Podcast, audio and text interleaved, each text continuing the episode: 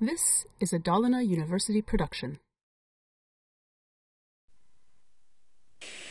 I det här exemplet ska jag visa på tre olika sätt som JavaScript kan användas för att eh, koppla händelser till till exempel klickhändelsen för en knapp. Det finns olika typer av händelser. Klickhändelsen är en, eh, on mouse out, on mouse over en annan. Det första exemplet här nu då är när vi trycker på den här knappen så ska jag skriva kod direkt i klickhändelsen för knappen. Och i den här koden då, den skriver ut hej från kod direkt. Hur ser den koden ut för att lyckas med det? Jo, titta här på rad nummer 49. För den här knappen så har vi klickhändelsen, on-click heter den. Och för den här on-click-händelsen har jag skrivit kod direkt. Vad ska ske när jag trycker på knappen? Jo, det är den koden som står där. Och vad gör den? Jo, den hämtar först och främst eh, ett eh, element. Den står här Get Element by ID. Det den gör att den hämtar eh, ett element, en HTML-tagg som har ett ID som heter MyText. Och vilken är det? Jo, det är på rad 45.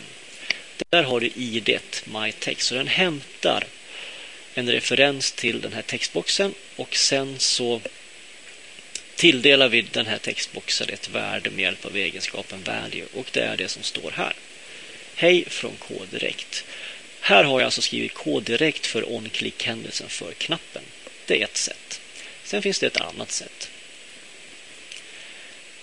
Och det är det mest vanliga sättet. Det är att när jag klickar på den här knappen så kopplas en egengjord funktion till den här on-click-händelsen för knappen. Och den funktionen i sin tur gör någonting och i det här fallet ska den skriva eh, den här texten hej från egen funktion. Så här kopplar jag alltså en egen funktion till on-click-händelsen för knappen. Hur går det till? Rad nummer 54. Det är den här andra knappen till dess händelse onClick har jag kopplat funktionen Write Textbox som tar det här argumentet. Det som sker då är att när jag klickar på knappen så anropas funktionen Write Textbox Och var finns den någonstans?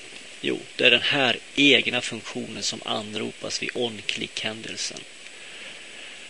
Funktionen heter Write Textbox. Den har den här parametern MyText, den text som jag vill kunna skicka in till funktionen och sen används den här parametern för att skriva till den här textboxen. Och då hämtar jag in den här textboxen med hjälp av metoden getElementById, myText. Då får jag en referens till den här textboxen vars id är myText och sen tilldelar jag den textboxens egenskap value, värdet från parametern myText. Så i det här fallet så sker funktionsanrop blir klickhändelsen. Och det är den funktionen som då sker. Ett tredje sätt ska vi titta på nu. Det är lite mindre vanligt. Det är att jag har registrerat en lyssnarfunktion till, knäpp, till den här eh, on-click-händelsen för knappen. Och jag klickar på den där. Hej från egen lyssnarfunktion är det som skrivs till den här rutan. Men det jag har gjort i koden nu det är att jag har kopplat en lyssnare. Om du tittar på rad nummer 59 här så har vi den andra knappen. Och som du ser där så finns det ingen on-click-händelse skriven där. Det står inte on-click någonstans utan jag har registrerat en lyssnare istället som i sin tur eh, har en lyssnarfunktion som körs. Och det här gör jag då på rad nummer 40 här uppe. Så vid onload-händelsen för kroppen för bodyn så anropas eh, funktionen registrera lyssnare. Och vad gör den? Jo, det är den här. Jag hämtar in ett objekt med hjälp av Get Element by ID. Jag hämtar in den här knappen vars ID är MyButton. Du ser där, MyButton. Hämta in den knappen. Här har vi ID, MyButton.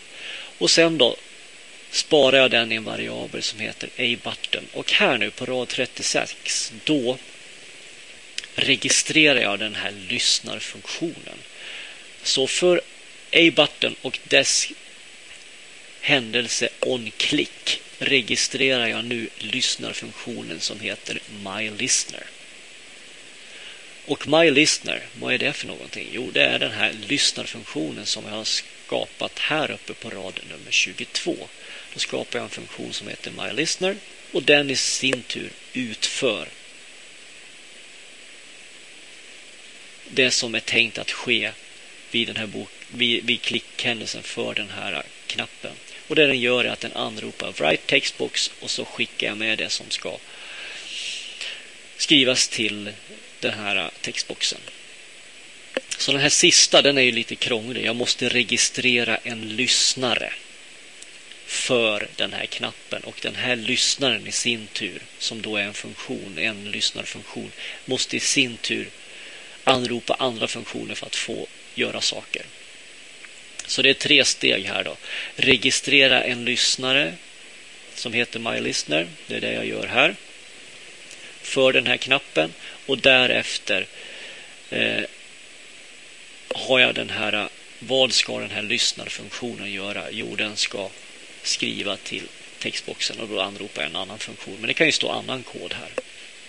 Den här är lite omständig, men fördelen med det här är att jag har på ett och samma ställe så kan jag då registrera flera olika typer av lyssnare. Och då har jag det samlat i den här funktionen registrera lyssnare. Så här kan jag liksom registrera lyssnare för den här knappen eller för en textbox eller för andra knappar eller drop-down-listor. Då har jag liksom en central funktion som registrerar en massa lyssnare. Istället för att jag har det här nere i on-click-händelsen för knappen. Men den som jag rekommenderar nu när man gör små program det är ju den här andra varianten att man registrerar eh, en funktion som körs när man klickar på knappen.